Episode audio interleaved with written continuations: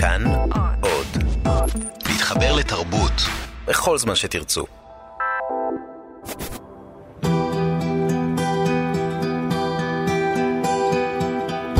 בעיר מרוחקת על ארץ רבה יושב האיש שאני אוהבת והעיר במרחק ת"ק פרסה וארבע והים הגדול נוגע בה וכולה בנויה חג שמח לכם, מאזינות ומאזינים. אנחנו בתוכנית מיוחדת לחג הפסח, ואנחנו מדברים על קריאת ים סוף של אומנים ויוצרים שונים. איתי באולפן אלון מקלר על הביצוע הטכני, כאן שירי לב-ארי, ואיתי אפרת בן צור, השחקנית והזמרת. שלום אפרת. שלום, חג שמח. נולדת וגדלת בנהריה, למדת משחק אצל יורם לוינשטיין, באקדמיה למחול בירושלים למדת מחול, אבל סיימת את לימודי המשחק שלך אה, בניסן נתיב, ומאז שיחקת בהרבה מאוד אה, הצגות בתיאטרונים הגדולים, ביקור הגברת הזקנה, כפר, חלום ליל קיץ, אופרה בגרוש, יונה ונער, הדיבוק. ב-2016 שיחקת בהצגה אישה בורחת מבשורה על פי ספרו של דוד גרוסמן, שם את אה, גילמת את אורה, הדמות הראשית ברומן הזה, ועל התפקיד הזה גם זכית בפרס אה, שחקנית השנה של פרס התיאטרון.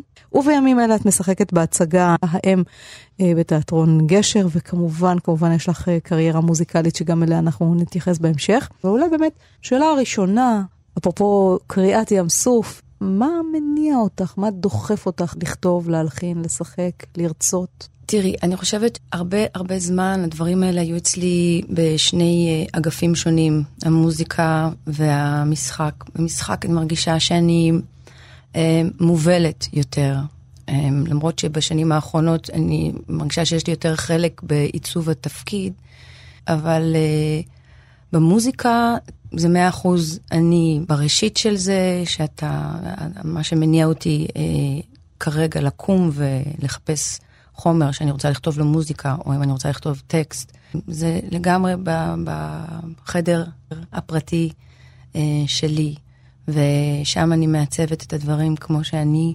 שומעת, אה, כמו שאני חולמת, כמו שאני אוהבת. בתיאטרון אתה, אתה חלק בתוך אה, מערכת יותר גדולה, שזה גם נורא כיף, מפני שיש מי שמנהל את כל הדברים מסביב, אתה לא צריך לדאוג לכל כך הרבה דברים. אתה משחק. בשנתיים, אני חושבת, שלוש, או שזה איזשהו תהליך כבר שקרה בקצב משלו, יש איזה צורך לחבר בין העולמות. גם בתיאטרון אני מרגישה שאני, דרושה לי יותר מעורבות. בעיצוב של הדברים, אז אה, נגיד בהם אה, נתנו לי לעשות עריכה מוזיקלית, באליס אה, שביים חזקאל עזרוב כתבתי את הפסקול, וגם בתפקידים עצמם, אני מרגישה שההבשלה נותנת לך, נותנת לי יותר מקום. את מסוג אומנים שיש להם אה, מודעות עצמית. זאת אומרת, יש הרבה יוצרים שפועלים מתוך איזה דווקא חוסר מודעות עצמית, ומה שיוצא יוצא. אני חושבת שלך יש כן נטייה לרפלקסיה עצמית, ולהבין ולנתח באופן אנליטי את התפקידים שלך ואת השירים שאת בוחרת בהם. אז בתור אדם מודע, איך מתמודדים עם המחשבה הזאת, שתמיד מרחפת מעל, אבל כבר אמרו את זה קודם, אבל מה מיוחד בי, אבל למה לעשות את זה בכלל? אין לי את זה, אני חושבת. דווקא את זה אין לי. אה, יש לי הרבה דברים אחרים, הרבה אה, ביקורת מכיוונים אחרים. תראי, מוזיקה למשל, יוצא לי כל בערך 6-7 שנים אה, להצליח להוציא אלבום, או אני אקרא לזה חתיכת חיים מוזיקלית. זה תהליך שדורש ממני הרבה כוחות, אבל אני לא יכולה כנראה בלעדיו. למשל, את האלבום שהולך לצאת בקרוב, עיר מרוחקת, אני חושבת שבתוך התקופה הזאת שהייתי בה, היה לי צורך לתת לזה איזה מרחב נוסף, שהוא באמת היצירה, כדי לא להישאר עם זה בתוכי, עם, ה, עם התחושות ש, שהיו לי באותו זמן. אימא שלי אה, נפטרה, וכמה זמן אחר כך היה את אה, מבצע צוק איתן, ו... חיפשתי איזה דרך לתת לזה עוד קול, עוד איזה תנועה. בתנוע... לתחושה הזאת של ההיעדר הפתאומי הזה, של האובדן. לתחושה הזאת, ש... כן. זהו, אני, אני נמנעת מלהגיד עכשיו, זה ברור שזה אובדן, וברור שזה, אבל אני אומרת, לתחושה הזאת שהיא המון המון דברים. יש בה המון דברים. רציתי לתת לזה איזה תנועה. אז הלך דווקא ב... אל המשוררת.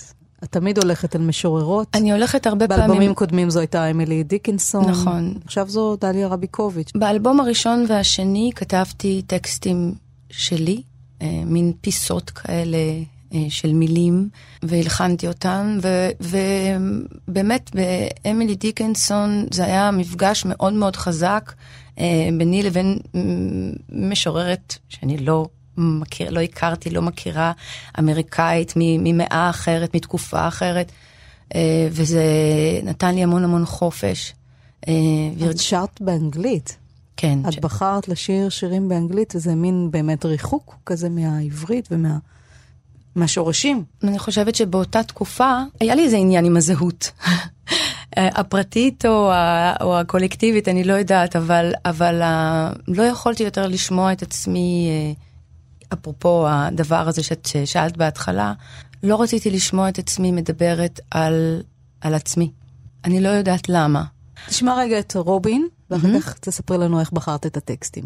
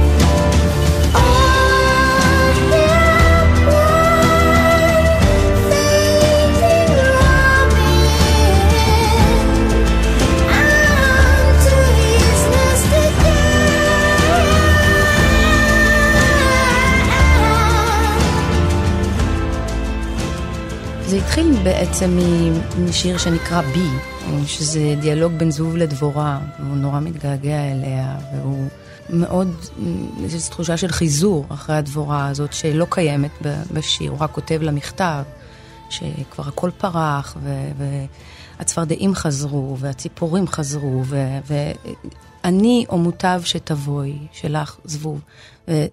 דרך העולם החרקים, היא מביאה כל כך הרבה, המשוררת הזאת. עכשיו, השפה אפשרה לי בעצם להיכנס לתוך איזה בגד שהוא לא שלי בכלל. זה ממש כמו להתחפש או, או לגלם איזה דמות. אבל היא אבירת היגון, אמילי דיקינסון. ואני מתחברת גם לשם.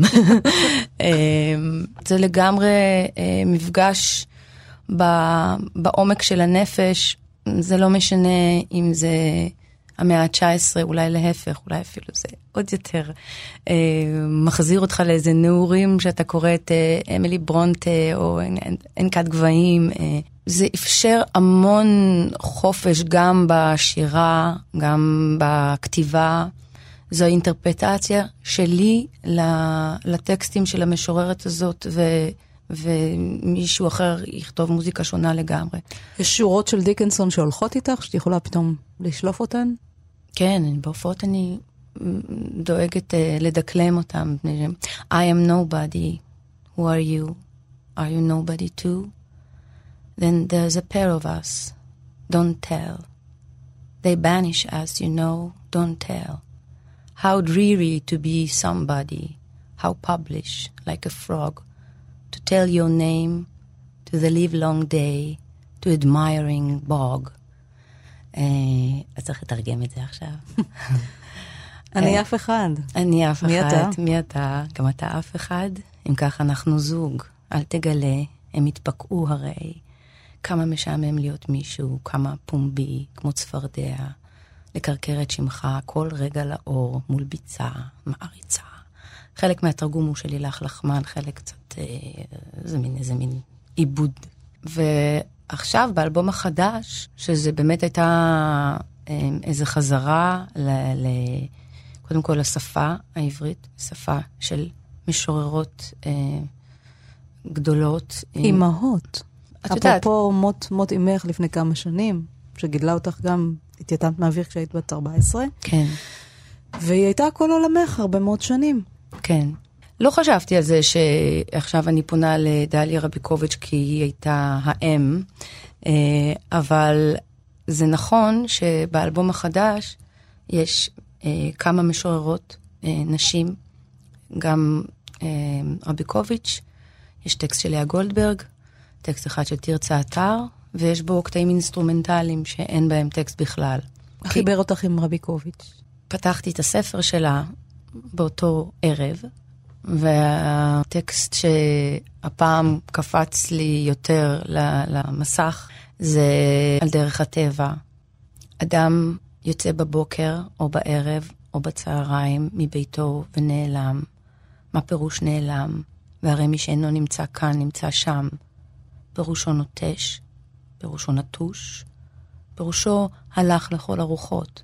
וזה ההסבר על דרך הטבע, חושך על פני תהום, ושם המקום נקרא עולם על דרך ההיעלמות. עולם והיעלמות, אין לה פשרות, לדליה רביקוביץ'. וזה מה שכל כך אהבתי בטקסט הזה, מפני שהוא מדבר על התחושה שבה אדם נמצא בלי נחמה. כי לפעמים אין נחמה, יכול להיות שהיא תגיע אחר כך, יכול להיות שעוד אה, שנה, שנתיים אתה תרגיש אחרת, אבל לפעמים לא צריך לשמוע את המשפטים האלה, לא צריך, לא צריך לחשוב, צריך להיות בתוך הדבר הזה כי הוא קשה, וזהו. לחצות את ים האש, כמו שאמרה משוררת uh, גדולה אחרת, זלדה.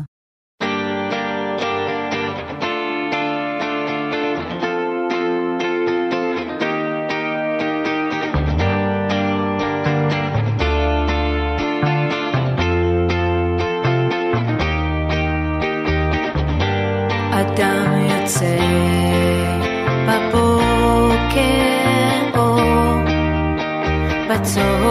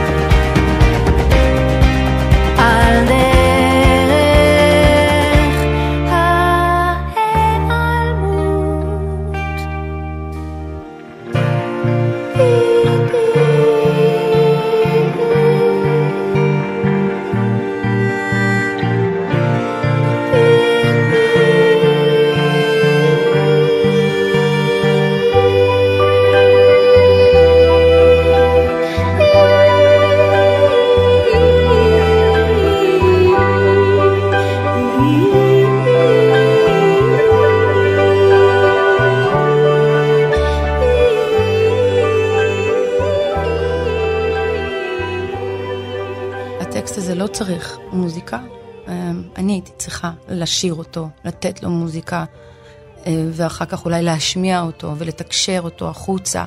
אולי הנחמה הפנימית שלי, של הדבר הזה, שקודם כל להפוך משהו לאיזה יצירה, לאיזה תנועה, ובתנועה יש, יש אין סוף, יש איזו המשכיות, יש, זה לא האובדן המוחלט. טקסט אחר של דליה רביקוביץ' שבחרת אה, להוציא באלבום החדש שעתיד לצאת אה, ממש בשבועות הקרובים, mm-hmm. הוא אה, עיר מרוחקת. בעיר מרוחקת על ארץ רבה, יושב האיש שאני אוהבת, והעיר במרחק תק פרסה וארבע, והים הגדול נוגע בה, וכולה בנויה ונושבת. עיר מרוחקת על ארץ רבה, אשרי אנשים בשעריה יבואו. אני מעולם לא הייתי בה, אני רק שארתי אורכה ורוחבה, וכמעט אהבתיה כמוהו. בעיר מרוחקת על ארץ רבה יושב האיש שאני אוהבת. באמת התחושה הזאת של איזה מקום אחר. שהוא מאוד מאוד חי מצד אחד, היא כבר יודעת לאמוד אותו, היא ממש יודעת לשרטט מפה שלו, מצד שני היא לא הייתה בו אף פעם. נכון, וזה השבר הגדול. זה גם פרדוקס כזה. נכון, לגמרי. זה, קודם כל, זה מתחיל, גם אפילו עכשיו שהתחלתי לדקלם את זה, או לספר את השיר, לדקלם זה לא נעים כל כך להגיד, כי אתה מרגיש ישר בבית ספר. להגיש את השיר. אבל, אבל לספר אותו, ישר הרגשתי קצת את מעבר לים של ביאליק. הכיסופים האלה לאיזה מקום שהוא שלם. שם נמצא האיש, שם נמצאת האהבה הגבוהה, ושם גם יש אנשים מאושרים, והמקום הוא, הוא מלא באהבה. אבל אני לא הייתי שם. זאת אומרת, זה גם ההבנה של החלקיות שלך בעולם. אין מושלם. וגם אם הוא יהיה, זה יהיה ל... לרגע. זה כנראה משהו אחר, השלם הזה. אבל היא מתארת איזו תחושה שהיא באמת הכי הכי גבוהה שיכולה להיות, אבל היא לא יכולה להיות שם. עכשיו, באמת יש את הסיפור חיים של רביקוביץ', אתה יכול לנתח את הטקסט הזה דרך העולם הפנימי שלה, ובשבילי זה באמת הרצון להיות באיזה מקום שהוא, אתה יכול לנוח בו. אתה יכול להיות באיזה שקט שהחומר שלו הוא אהבה. יש את העיר הזאת, עיר מרוחקת, שאולי הולכת ומתרחקת לנו. המקום הזה שאתה, שאני אני גדלתי על איזו תחושה שאני גדלה באיזה מקום כל כך מיוחד ואחר, ו, והיו בו כל מיני... את מדברת על נהריה? אני מדברת על, על תקופה של הילדות, זה נהריה, זה גם יכול להיות מקום אחר. היום זה, אז היה נהריה, היום זה שדרות. התחושה הזאת שאתה כל הזמן חי באיזה אימה, למרות שכילד אתה מפחד, אבל אתה לא חי את הפחד, אתה חי את הילדות, אתה חי את השמחה, אתה חי את, ה, את הרצון לחיים. כאדם מבוגר, אתה מבין שיש איזה שחזור של אותו דבר. אתה מבין שאתה לא באמת יכול לשחרר את, ה, את הפחד הזה, מפני שאנחנו אנחנו יושבים על זה כל הזמן. הפחד פשוט... הזה, האימה, מה המקור שלו? כשאת אומרת, היום זה שדרות, פעם זה היה נהריה. אה, אה, זה הישראל הזאת, כן. זה, זה מה זה להיות... המצב הישראלי המצב... של להיות פגיע כל הזמן למתקפות... אה, זה המצב הישראלי לגמרי, זה, זה להיות, זה הנפש של בן אדם שהתעצב פה. עכשיו, האלבום שלי, יש בו את החיבור בין המשהו המאוד אישי ופרטי, מה שאני מביאה איתי מה, מהעולם של הבית שלי, או זה פירוט של תחושה, אה, איזה ניסיון אה, להעביר תחושה שהיא אוסף של כל הדבר הזה שעליו אה, גדלתי. אז גם אם היה פחד בבית, היה גם פחד בחוץ, הם התערבבו. אבל אני חושבת שהפרידה מאימא שלי לא יכלה שלא לתת לי לחשוב על איפ, איפה התחלנו, אני והיא. אני והיא התחלנו מזמן שמה, בקצה ההוא. בילדות, בנהריה. כן.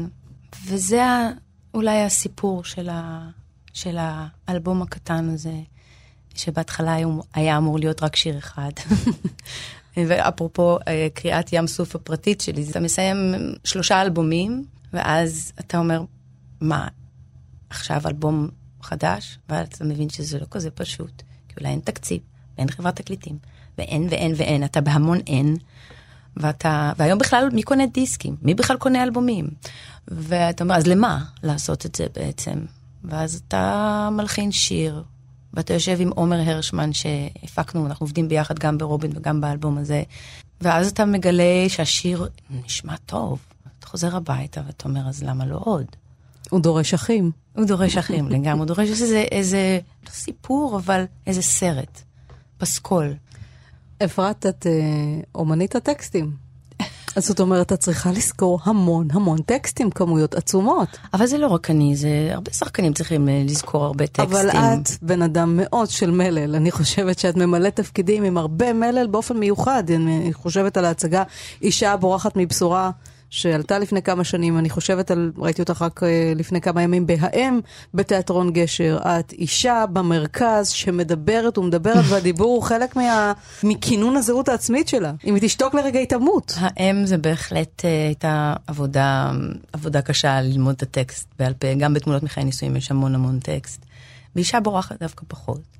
אה, אבל בהם הטקסט הוא, הוא כלי נפלא להישען עליו, כי הוא כל כך טוב, הדיאלוגים הם כל כך טובים, הם שחורים עם הומור ומאפשרים איזה מנעד של הבעה. אז רגע, ת, תחשפי לנו, לפני שנדבר על ההצגות עצמן, קצת מאחורי הקלעים של שחקנית. שחקנית עסוקה, איך לומדים טקסט, איך זוכרים אותו ואיך שוכחים אותו ועושים דליט כשעוברים להצגה הבאה. איך מפנים מקום בזיכרון.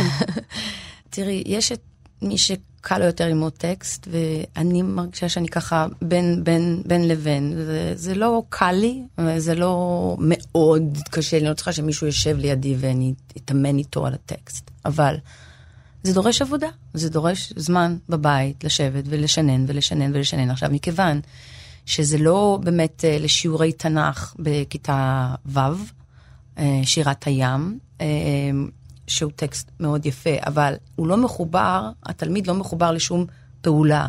אז כאן את מחוברת מאוד לטקסטים האלה, את, וזה את... באמת קצת מוביל אותנו לנושא הבא, כי אני עשית מגוון מאוד רחב של תפקידים לאורך השנים, אבל נראה לי שבאמת, נגיד שלוש ההצגות האלה שציינו, של אישה בורחת מבשורה, של תמונות מחיי נישואים ושל האם, יש מה שאפשר להגיד, הדמות של האישה החכמה, המודעת לעצמה, הוורבלית מאוד, הנוירוטית לעיתים קרובות, אישה על הקצה. זה מין איזה יש גם דימוי הדיב... כזה יש ש... יש גם את הדיבוק. ש... וגם הדיבוק כמובן. תפקיד uh, שהוא מאוד משמעותי לי. אז זה מקרי שבוחרים בך לתפקידים האלה? Uh, אני לא יודעת מה, מה להגיד על זה. אני חושבת שקודם כל, אלה תפקידים מאוד מעניינים ויפים. מסכימה איתה. והם באמת מתנה, ל, נראה לי, לשחקנית. אני חושבת שאולי יש משהו שמתאים ב, ב, באישיות שלי, אני לא יודעת, אבל אני נמשכת גם לתפקידים האלה. אבל זה לא חוכמה, הם, הם מאוד אטרקטיביים. כן, זה, זה, זה תפקידים שיש בהם המון עומק ומצבים שהם אה, של נשים במקום שמחפש להיות מותאם, אבל הוא לא. ונשים שרוצות מאוד להשמיע את הקול שלהם. לדוגמה, אני חושבת על אורה, כל דמות היא באמת נורא נורא אחרת. אורה לא יכולה להישאר בבית ולחכות שהבן שלה, לשמוע מה, מה יקרה עם בנה. זה מחובר לה גם לתחושה ש, שהיא גדלה איתה, של איזה אשמה, שנראה לי מאיימת עליה כל הזמן ולא מניחה. וברגע הזה שעופר יוצא מהבית והיא נשארת לבד, גם אתה, אתה יודע שהיא במשבר עם, בחיים האישיים שלה, היא נפרדה מבעלה, היא נשארת לבד, היא בת 50, היא נשארת לבד, היא פוגשת עצמה לבד, והיא לא, הקירות בבית סוגרים עליה. זה מצב שאתה אה, כאזרח במדינה הזאת שואל את עצמך, איך הורים איך הם, איך הם מכילים עומדים את, בזה, כן. איך עומדים בזה, איך מכילים. אז, אז הם לא אז, לא עומדים בזה, הם הולכים בזה, במקרה אז, שלה. אז אני, אז אני אומרת, זה דבר שכל אחד, ו, ו, והנה יש הזדמנות לשחק את זה. זה עוד פעם, לתת מרחב לאיזה תחושה, לאיזה שאלה, לאיזה, לאיזה חוסר שקט ש, שאני מרגישה אותו, כשאני, בתור מי שחיה כאן. את רציתי... אימא לילדה בת תשע. כן, בתשע וחצי, ואני רציתי. אתן אמנם פה בתל אביב, לא בשדרות, לא בנהריה, אבל עדיין החרדה הזאת האימהית היא בכל מקום.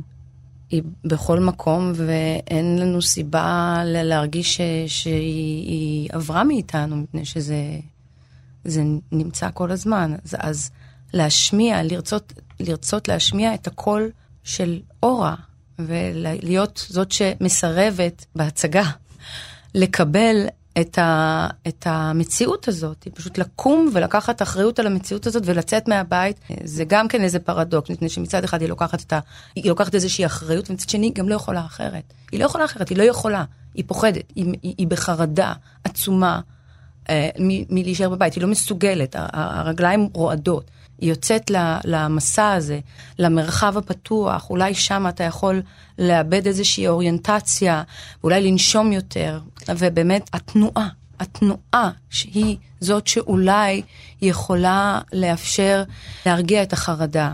היא גם מאמינה שדרך המסע הזה שהיא תעשה עם, עם ידיד נעוריה, עם אב בנה, היא תעשה תיקון, ואולי דרך תיקון ליחסים שלהם, ואולי דרך זה תחיה את, ה, את, את עופר. עוד דקות ארוכות הם ישבו במסתור המכתש הזעיר, חבוקים זה בזה כמו פליטי שערה.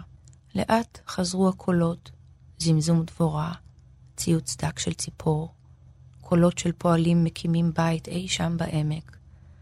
אז התירה אורה את גופה מגופו, ונשכבה על צידה על מדף הסלע. את ברכיה משכה אל בטנה, והניחה את לחייה על כף ידה הפשוטה. עיניה היו פקוחות ולא ראו דבר. אברהם ישב לידה, ואצבעותיו ריחפו מעל פניה, נוגעות לא נוגעות. רוח קלה נשבה, ריחות של זעתר וסירה קוצנית, ומשב מתוק של יערה מילאו את האוויר. תחת גופה היו האבן הצוננת, וההר כולו עצום ודחוס ואינסופי. היא חשבה, כל כך דקה קליפת כדור הארץ. הקטע הזה, שהוא... דוד גרוסמן כותב את הרקמה המפורטת הזאת של, ה, של ההרגשה המאוד מסוימת שהייתה ברגע הזה, הכל כך, זה לא מילה אפילו כואב, זה, זה חורבן. ובתוך החורבן הזה הוא מתאר את החיים מסביב. שזה אה, התחושה הזאתי שאתה מאבד, אבל הכל מסביב אותו דבר. אתה התרסקת, אבל הכל מסביב אותו דבר. המכוניות נוסעות. הוא מתאר באמת את הטבע הזה, הטבע הישראלי הזה, את, ה, את הריחות של הזאטר והסירה הקוצנית ואת ה... משב מתוק של יערה מילאו את האוויר, זה כל כך... אה, הכל שזור בהכל. איך הייתה העבודה על ההצגה הזאת? אה, ביים אותה חנן שניר, את הרומן כתב אה, דוד גרוסמן, איך הייתה האינטראקציה עם שתי הדמויות האלה? אני חושבת שכולנו היינו מאוד, הרגשנו שאנחנו עושים משהו מאוד כואב, אבל משמעותי. כולנו היינו מאוד מחוברים והתמסרות גדולה. לה, להצגה הזאת, למחזה, לחומר. הייתם נוכחים ביחד בזמן החזרות? גם דוד, גם חנן, גם אתם, את ודרור קרן ששיחק את תפקיד אברהם. זה מין קבוצת תמיכה תוך כדי עבודה? ואמנון וולף ששיחק את אילן, ודניאל סבג ששיחק את עופר. דוד גרוסמן הגיע לקריאה הראשונה של המחזה, ונתן לנו את ברכתו. אחר כך אה, הוא הגיע עם מיכל אשתו לה, להצגות, וגם נסענו עם ההצגה לניו יורק, הופענו שם והם היו איתנו. וגם שרת התרבות שם ניצלה את ההזדמנות והתבטאה נכון. בנושא הזה. לשם היא הגיעה. בארץ היא לא ראתה את ההצגה, אבל לניו יורק היא הגיעה. זה באשר אישה בורחת מבשורה, ועם דרור, דרור קרן, שיחקת עד לאחרונה בתמונות מחיי נישואים, לפי אותו סרט של אינגמר ברגמן המפורסם. תמונות מחיי נישואים התחיל עם איתי טירן, גלעד קמחי ביים. זה חומר שאני רציתי לעשות אותו המון המון זמן. למה? כי אין דבר יותר מעניין מיחסים, ופה יש אה, באמת קלוז-אפ רק על זה, כן? זה הסיפור, היחסים. אה, ויחסים שבהתחלה נראים שהכל בסדר, בעצם כבר המוות שלהם נמצא שם, זה בעצם כבר, הם כבר התפוררו, אבל זה נראה שהכל תקין, שהכל בסדר. כמה אנחנו יכולים אה, לחיות איזה שקר, איזה העמדת פנים.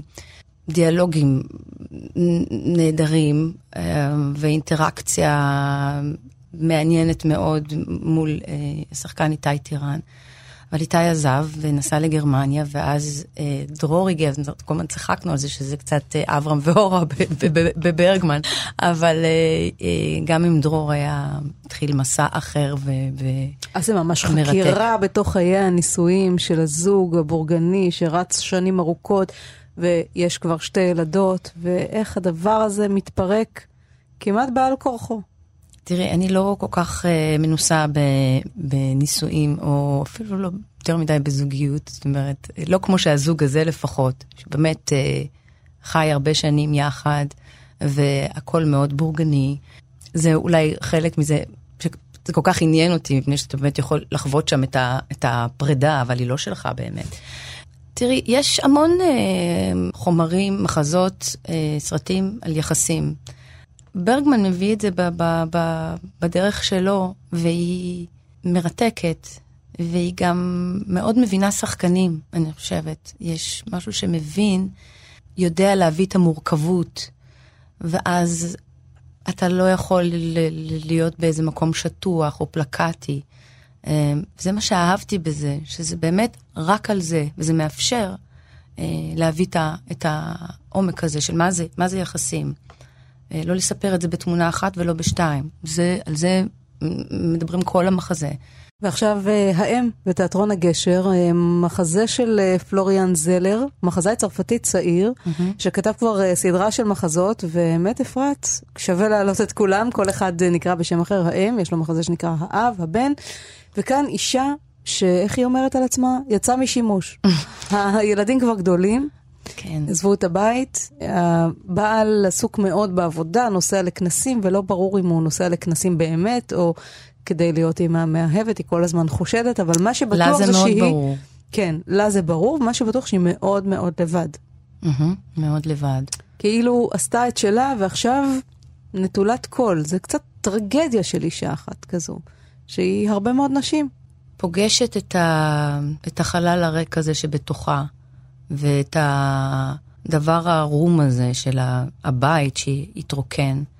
אבל אתה מבין דרך זה את, ה, את כמה עבודה יש לה לעשות, לאישה הזאת, והיא בעצם לא עושה אותה. העבודה של בן אדם על עצמו, שזה באמת לחיות את חייה. לחיות את חייה, להגשים את הדבר שהיא באמת רוצה, ואם הזוגיות שלה היא כל כך מדורדרת, אז אולי להתעמת עם, ה, עם הזוגיות הזו. מאוד קשה שם, יש משהו מאוד מאוד חמקמק ביחסים, מפני שאתה לא יכול להתווכח עם זה שבן אדם צריך לעבוד ויש לו קריירה. מצד שני, זה, אני חושבת, זה ברור ביחסים האלה שהוא משקר לה. והשקר הזה מטריף את דעתה, הקלות שבה הוא משקר. אני חושבת שמה שיפה בחומר הזה, שאתה, זה לא בחוץ, הבגידה היא לא בחוץ, אבל היא מתחת לפני השטח וזה נורא נורא ברור. ואיך לאט לאט הכריכה הזאת של, ה, של החבל, בצורה מאוד נונשלנטית של הבעל, אה, בזה שהוא ממשיך לקיים את, ה, את החיים שלו. למרות שהוא רואה אישה במצוקה מאוד מאוד גדולה, אפילו שזה יום האם, אפילו שזה יום האם, הוא לא יהיה, כי יש לו אה, דברים אחרים מאוד מאוד חשובים. אפילו שהוא רואה שהיא לא במצב טוב, הם לא אומרים, בוא נשב ונדבר על היחסים, בואי נלך לטיפול, בואי אה, ניפרד. הם חיים את, ה, את החוסר יכולת שלהם לפתור לעצמם את ה... את החיים, והם ממשיכים לחיות בתוך אה, איזו זוועה. הזנחה. ש... כן, ואן סובלת מהזנחה מאוד מאוד גדולה. אבל היא גם מזניחה את עצמה, כי לפעמים מתחשק לבוא ולהגיד לה, זה מה שאני אומרת, אן סובלת מהזנחה מאוד גדולה, כן, אבל אין לה את היכולת לקום, וזאת האישה הזאת, אין לה את היכולת. אורה, במצב אחר, היא מאוד אה, אה, יוזמת, היא קמה, היא אוספת, היא לוקחת, היא אור, היא מאירה, היא מדליקה נר בבית חולים, היא, היא, היא מביאה חיים. אנ לא. אנ אין לה יכולת. היא, היא מאוד חזקה ב, ביכולת שלה להיות אפלה. הכוח שלה הולך בעצם ל, למוות. את זוכרת קטע מההצגה? בטח. כמה שורות? פעם היו הילדים, כן? זה היה, זה היה העיסוק שלי. טיפלתי בהם לא פחות משהם טיפלו בי. שני ילדים זה לא מעט, בעצם זה לא שניים, זה שלושה, כי טיפלתי גם בך וטיפלתי בבית. אבל עכשיו כולם עזבו. אני לבד בבית הגדול הזה, אף אחד לא זקוק לי יותר. אפילו פעם אחת הוא לא התקשר אליי, פעם אחת. פה היא מדברת מול, מול בעלה על זה שהבן שלה נעלם, פשוט נעלם. היא כועסת על זה, אבל בעצם אני חושבת שהבן הוא איזה... היא משתמשת בבן כדי לא להתעמת באמת עם בעלה. וגם את כל התשוקות ה- הלא מוגשמות עם הבעל, היא מעבירה לבן. באופן האדיפלי החמור ביותר. כן. Tell me where the wind is blowing, cause that's where the music's going. You are my big dark blue, and I wanna swim all around you. You are the sweetest melody I never saw.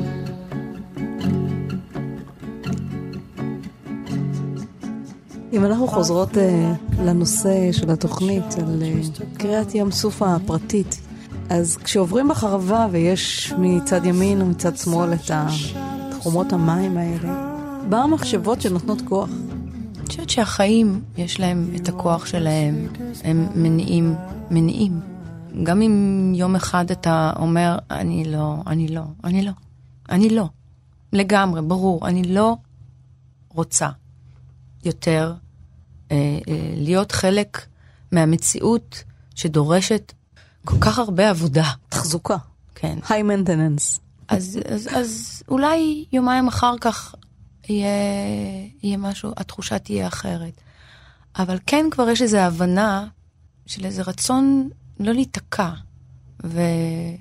ולהמשיך להתרחב או לגדול או להתפתח. היא קיימת, והיא כזאת, אולי היא הדרך לתת משמעות, כמובן גם הורות.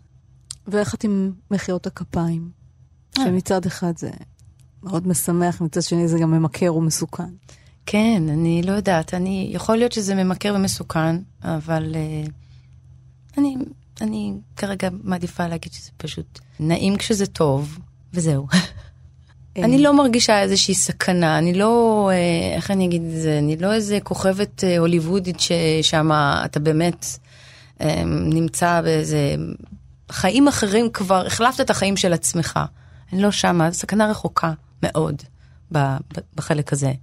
אה, אז אה, אם אנחנו מתקרבות אל הגאולה, כי בעצם קריאת ים סוף אמורה להביא אותנו לגאולה, ודיברנו קודם על הנושא הזה של אה, מעבר לים, בארץ רחוקה, שם... שם נמצאים הדברים, נכון? אז, ומצד אחד יש לנו חוויה מאוד עמוקה של, של המקום הזה, כי אחרת לא היינו יכולים לתאר אותו כל כך יפה, להרגיש אותו, להתגעגע אליו כל כך, כאילו אנחנו כבר יודעים אותו, ומצד שני לא היינו שם מעולם. כן, כנראה שהיינו, לפני החטא הראשון, היינו. לא, באמת, אני חושבת שזו תחושה שקיימת מה, זה, זה, זה בתוכנו. מודעות אה, ב-DNA שעוברת לאורך הדורות? לדעתי, את יודעת, כך- ככה אני מרגישה, ואני חושבת שאנשים שיש להם אה, איזה צורך לחפש, אה, שהחיפוש בוער בתוכם, אה, יש להם איזו ידיעה עמוקה למה הם מחפשים, כי הם ידעו, יש איזו יש איזו הרגשה של המקום הזה. אה, ויכול להיות שזה בא מאיזה מקום הפוך לגמרי, של איזה שבר מאוד גדול, ואז הכיסופים למקום טוב הוא, הוא, הוא חזק יותר.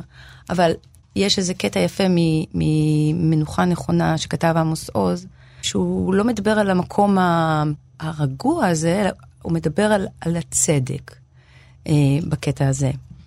מה שיפה בשינה זה שכל אחד נמצא סוף כל סוף לבדו ובלי אחרים. כל אחד על כוכב קטן, כל אחד בחלומות שלו, כל אחד מיליון קילומטר מכל השאר, ואפילו ממי שישן לידו במיטה הזוגית. אין בשינה ועדות ואין בשינה תפקידים, ואין חומרת המצב וצו השעה וגודל האתגר, ואין חוק שצריכים בשינה להתחשב בזולת היקר.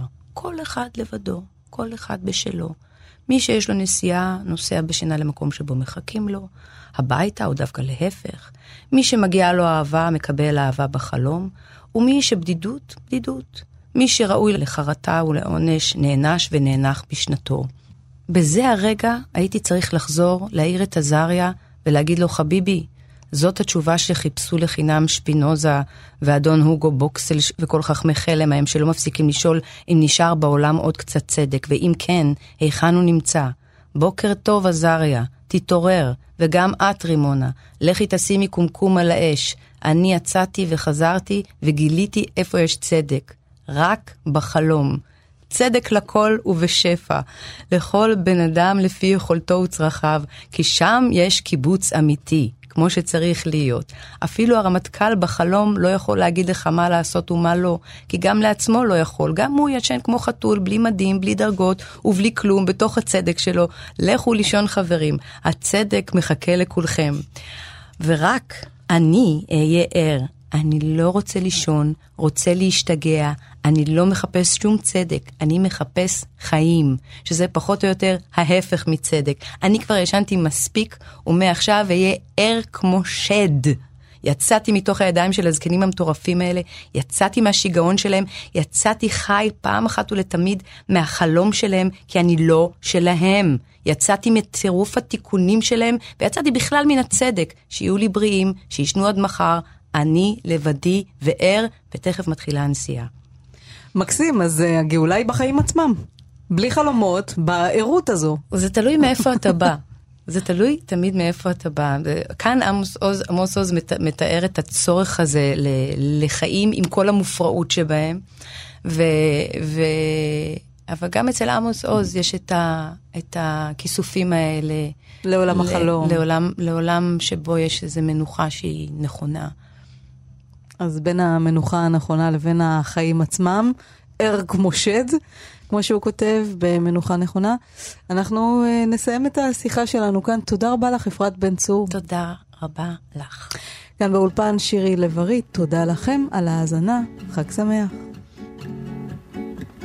Tell me where the wind is blowing, cause that's where the music's going. You are my big dark blue, and I wanna swim all around you. You are the sweetest melody I never saw.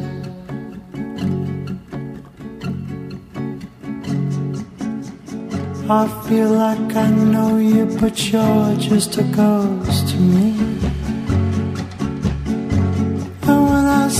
Such a shadow, somehow it comforts me. You are the sweetest melody I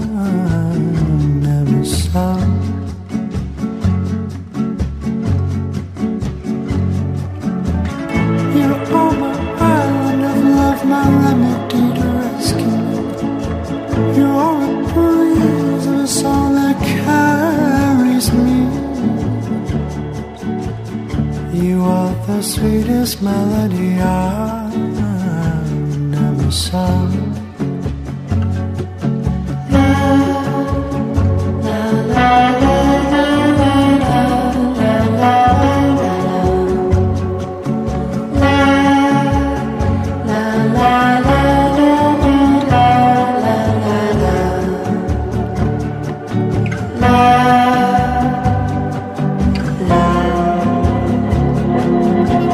never saw. of your touch that fits in your arms as much. And when I try to fill it up, the hole gets bigger every time. You are the sweetest melody I've ever sung. You are the sweetest melody I've